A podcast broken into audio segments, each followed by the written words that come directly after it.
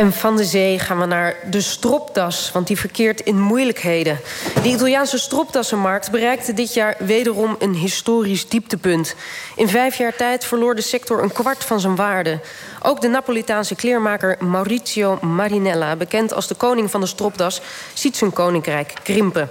Wat is er aan de hand en wat is de herkomst van de das? Dat weet hoofdredacteur van Esquire Arno Kantelberg. Welkom. Um, ik zie een stropdas. Je ziet mijn stropdas? Ja, die zie ik. Als enige ongeveer in deze hele kapel. Ik weet niet, ik heb ze niet geturfd toen ik binnenkwam. Maar nou, volgens mij zie ik er maar één. toch? Oh, toch. Ja. Um, dacht je, dat kan die wel ik denk, gebruiken? Ik doe mijn best, ja. Ja, heel goed. Um, ik moet naar de radio. Wat voor stropdas is het eigenlijk? Is het een bijzondere? Ik kan, wij kunnen dat niet zien. Is, hm. is het wat? Nou, of het wat is, dat weet ik niet. Maar het is, het is een stropdas als alle andere. Het is, daar zit, nou ja, hij is blauw. Uh, met een streepje. Volgens mij is er beter over nagedacht dan jij nu suggereert. Maar, maar nou, er, er, zit geen, geen, emotionele lading aan of iets dergelijks. Oké. Um, wat is er precies aan de hand met de stropdassenmarkt? ja, ja dat, dat, hij is er niet meer. Het is een beetje...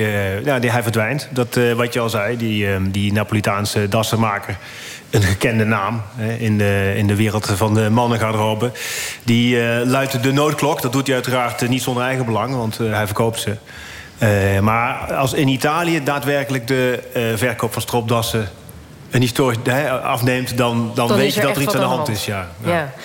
Um, en hoe komt het dat hij uh, uit de gratie is geraakt bij de man? Nou, kijk, tot de jaren 50, 60 liepen mannen in Nederland... maar trouwens, gewoon in het westen in een pak met een stropdas... als ze naar buiten gingen, dan deden ze een mantel aan en zetten ze een hoed op. En jongens liepen in een korte broek en een pet.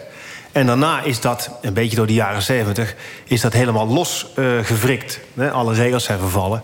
En uiteindelijk, om het uh, ja, kort en goed gezegd... is allemaal de schuld van de Amerikanen. Daar komt het eigenlijk op neer. Want dat die lopen allemaal in hoodies en trainingspakken? Nou, de, de, de gemakskleding... de functionele kleding en de gemakskleding... Hè, de spijkerbroek, het t-shirt, de sweater... Dat komt allemaal uit Amerika. En het Amerikaanse cultuurimperialisme beperkt zich niet alleen tot films en, en muziek en tv-series en Netflix, maar ook tot kleding. Ja. Uh, dus dat, dat nemen wij over. En die stropdas is daar een beetje het slachtoffer. En, en was het eh, wegwerpen, het beroemde wegwerpen van Prins Klaus ook een kantelmoment? Ja, dat was uh, het jaar, weet ik even niet meer. Het was volgens mij bij de uitreiking. Nou, het zal het Prins Klausfonds zijn geweest, denk ik. Iets dergelijks. Maar toen sprak Prins Klaus inderdaad de woorden: stropdasdragers, alle landen verenigt u. En toen deed hij heel, met die wat trillende handen van hem toen, hè, deed hij heel uh, theatraal zijn stropdas af.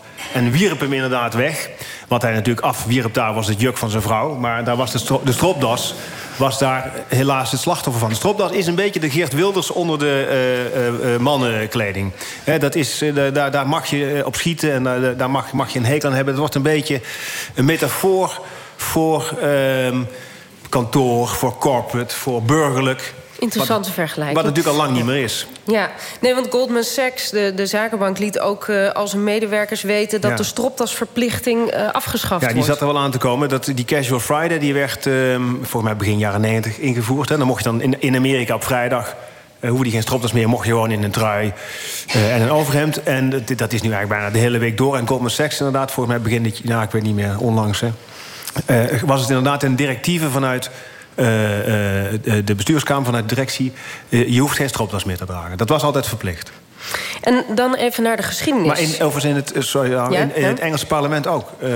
Da, ook dit jaar, was begin dit jaar. Het Engelse parlement werd het een beetje een bijzin... door die man die wij nu allemaal als een, een soort karikaturale held te zien, die John Burkhoff... die, die, uh, heeft, uh, die zelf trouwens altijd de malste stropdassen draagt.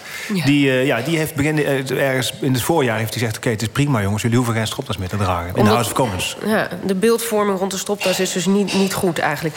Dan naar de geschiedenis, naar de betere tijden wellicht. Weten we waar die das vandaan komt? Vroeger was alles beter. Ja, nou, die, de das, er is altijd een das geweest. De, en die das die heeft zich een beetje ontwikkeld. Dat... dat, dat uh, ging van heel uh, uh, uitbundig tot wat ingetogen. Maar de stropdas, de, de, de, ja, het is een beetje lastig, de term cravat... Mm -hmm. hè, die in Frankrijk, maar ook Italië wordt gebruikt voor stropdas... naar verluid is afkomstig van à la Croat, als de Kroaten. En Kroaten waren huurlingen, niet, niet per definitie Joegoslaven overigens, waren ook Hongaren... die in de 30-jarige oorlog, het is de 17e eeuw... pin me niet op vast welke jaren dat waren. Maar die uh, vochten mee aan de kant van de katholieken. Aan de, de, dat is in mijn geval dus aan de goede kant. En die, uh, dat waren behoorlijk goede strijders. Droegen rode dassen. Beetje, ja, een stropdasachtig wil ik niet zeggen, maar sjaals. van zijde. mooi geknoopt, echt mooi gestrikt. zij werden onthaald op het Hof in, um, in Parijs bij de Fransen, want ze hadden goed werk geleverd. Dus bij, uh, dat moet dan Lodewijk de XIV zijn geweest. Ja. Uh, en die was zo onder indruk van uh, de verschijning van die Kroaten... dat, het, dat hij het overnam. En nou ja, nou, dat werd vervolgens... Hij had navolging in, de, onder de prijsadel... En dat, de, dat druppelde dan vervolgens zo door. En na verluid komt daar de term kravat vandaan, à la Croat. Maar dat was, die, de stropdas had ook een soort functie, toch? Als een soort zakdoek voor op het slagveld? Ja, ja. Nee, werd ook gewoon gebruikt om je neus mee te snuiten. Dus dat, dat had een... Uh, ja, ja. Uh, of uh, ja, je, je, je ogen, met, het zweet af te vegen. Nee, het, eigenlijk, dus was behalve esthetisch ook, ook functioneel. Want en, dat is nu natuurlijk helemaal niet meer. Een stropdas heeft... Dat heeft doe jij geen, niet? Nee, ik, nee, ik snuit mijn neus niet mee. Ik maak er wel eens mijn bril mee schoon. Eh, maar het heeft verder geen, geen, geen, echte functie meer... anders dan dat het de knoopjes, maar goed, dat is esthetisch gezien... van je overhemd uh, verbloemt. En, en wanneer gaat de stropdas echt lijken op wat wij nu kennen? Ja, uh, ja, dat, dat heeft, ja, er zijn wat vormen... Het is heel, het is heel moeilijk te, te, te, te pinpointen wanneer nou echt die eerste das zoals ik die nu draag, wanneer die er was. Het is wel dat het begin uh, vorig jaar, moet ik zeggen dan, uh, in Amerika... want dat, dat is, daar moet ik ze dan wel nageven... daar kreeg het wel uh, die vorm. Maar er was een, ja, er is een, de, de Steinkirk wordt dat genoemd. Dat is bij de slag bij Steenkerken. daar werd, daar, nou ja, ik denk dat het een beetje apocrief is, maar... Het, het, het, verhaal gaat dat daar de strijders te weinig tijd hadden om hun das netjes te knopen, waardoor ze hem wat langer droegen. Uh, en die slag bij Steen, uh, Steenkerken uh, heeft geleid tot de vorm van de das die de Steinkirk wordt genoemd. En, en dan gaan de dandies ermee op te lopen? Ja, ja, je hebt ook nog de macaroni's, om het heel spannend te maken. Macaroni's waren een soort voorgangers van de dandies, zoals uberdandies. Dat waren echt heel feminine Engelsen met pruiken. Er waren jongens die hadden dan de Grand Tour gemaakt. Zoals je dat vroeger in Engeland had, gingen de rijke jongens gingen op een Grand Tour door Europa, door de grote steden. En die kwamen terug uit, uit Italië en uit Frankrijk en namen allerlei vrouwelijke elementen mee.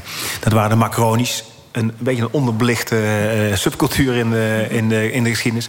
En daarna kreeg je de dandies. Bo Brummel is, George Bo Brummel is een bekende naam. Dat was een beetje ja, de, de uberdandy. Uh, en, maar die, die droeg de stropdas, of de das, het was niet echt een stropdas. Mm -hmm. Die gingen wat soberder dragen. Maar het pak zoals we nu kennen, gaat een beetje van hak op de tak. Sorry daarvoor. Maar het pak zoals we dat nu kennen, is eigenlijk onder uh, Charles de tweede, denk ik, dat het was. Die man, is dat Charles II die tegen onze Michiel de Ruiter op moest nemen? Ja, hè? Ongetwijfeld. Ja. ja. nou, afijn, die, dat ging hem slecht af, zoals wij weten. Hoera voor Michiel de Ruiter. Het geld raakte op, schatkist raakte leeg, dus hij ging zich soberder kleden. Uh, waar, en, uh, en, daar is het pak ontstaan met gewoon een jasje en de broek. Toen overigens nog een pofbroek. En daar maakt die das ook onderdeel van uit. En het werd allemaal soberder uh, dan het ooit was. En uh, oké, okay, dus dan zijn we eigenlijk aangekomen bij de das zoals we hem nu kennen. Ongeveer. Ja, we zitten nog diep in de 17e eeuw volgens mij. Als ik ja, goed ja, ja, ja, ja, Charles was een over. Sorry, sorry, maar ga even naar de das nu, de das van de afgelopen 50 jaar. Ja, die is, ja, die is er dus bijna niet meer eigenlijk. Hij heeft een. Uh, ja, hij, zegt, hij, is, hij is inderdaad symbolisch afgeworpen. En ik, daar zijn die jaren 70 wel echt... De jaren 70 waren geweldige jaren... maar die hebben ook wel meer kapot gemaakt dan ons lief is. En dat is het, het, het toch het verdwijnen uh, van die das. Je ziet hem af en toe een beetje opleven. Hey, uh, maar dat is in subculturen. Uh, uh, onder de ska-jongens in Engeland met name. En onder en, Japanse en vrouwen schijnen ze heel populair te zijn op het is moment. Dat zo? Ja, dat begreep, dat begreep ik. Maar, nou, dat weet ik. Want hij is ook wel eens gekaapt door vrouwen, toch, de das? Ja, door vrouwen die zich mannelijk wilden presenteren. Hè. Uh, dus de, de, de, de, de suffragetten zat er wat onder. George Sand, dus een Franse schrijfster, die had het ook. Marlene Dietrich natuurlijk, droeg een, een, een, een das. De vlinderdas overigens is er, is er ook nog, uiteraard. Die was er al eerder dan de stropdas. Mm -hmm. Die zie je nog wel, uiteraard bij smokings. Maar gewoon, zeg maar, overdag... Zeg maar, een dagelijkse das is, is, is vrij zeldzaam geworden. Tot slot, denk je dat het, uh, het eind echt in zicht is voor de stropdas... of gaat hij een nieuwe opleving krijgen? Ja, alles is cyclisch, dus waarschijnlijk dit ook. Uh, en naar mij zal het niet liggen. Uh, Maar ik denk voorlopig, uh, voor, uh, voorlopig volgen we zeg maar, de, die, het Amerikaanse voorbeeld. En dat is dat we echt op comfort ingericht zijn. Gemakkelijk, gemakkelijke kleding. Volgens mij zie je ook wel tegenbewegingen. Ik zag laatst ook bij de Wereld Door een hele groep die Peaky Blinders, die serie, uh, ja, aanbidt. Ja. En dat zijn toch allemaal mannen in pak. Ja, nou dat vind ik dan wel aardig dat via... het is een Engelse serie, maar het is via Netflix... de Amerikaanse Netflix, die Peaky Blinders inderdaad... Uh, mijn kleermaker, bij mijn kleermaker komen echt mannen die zeggen... Ik, die willen dan, die weten Willy's, die willen eruit zien als Peaky Blinders. Dus dan moet je zo aan de slag. Dus er is hoop. Ja, er is altijd hoop. Uh, zeker in uh, deze omgeving. Hartelijk dank, Arno Kan.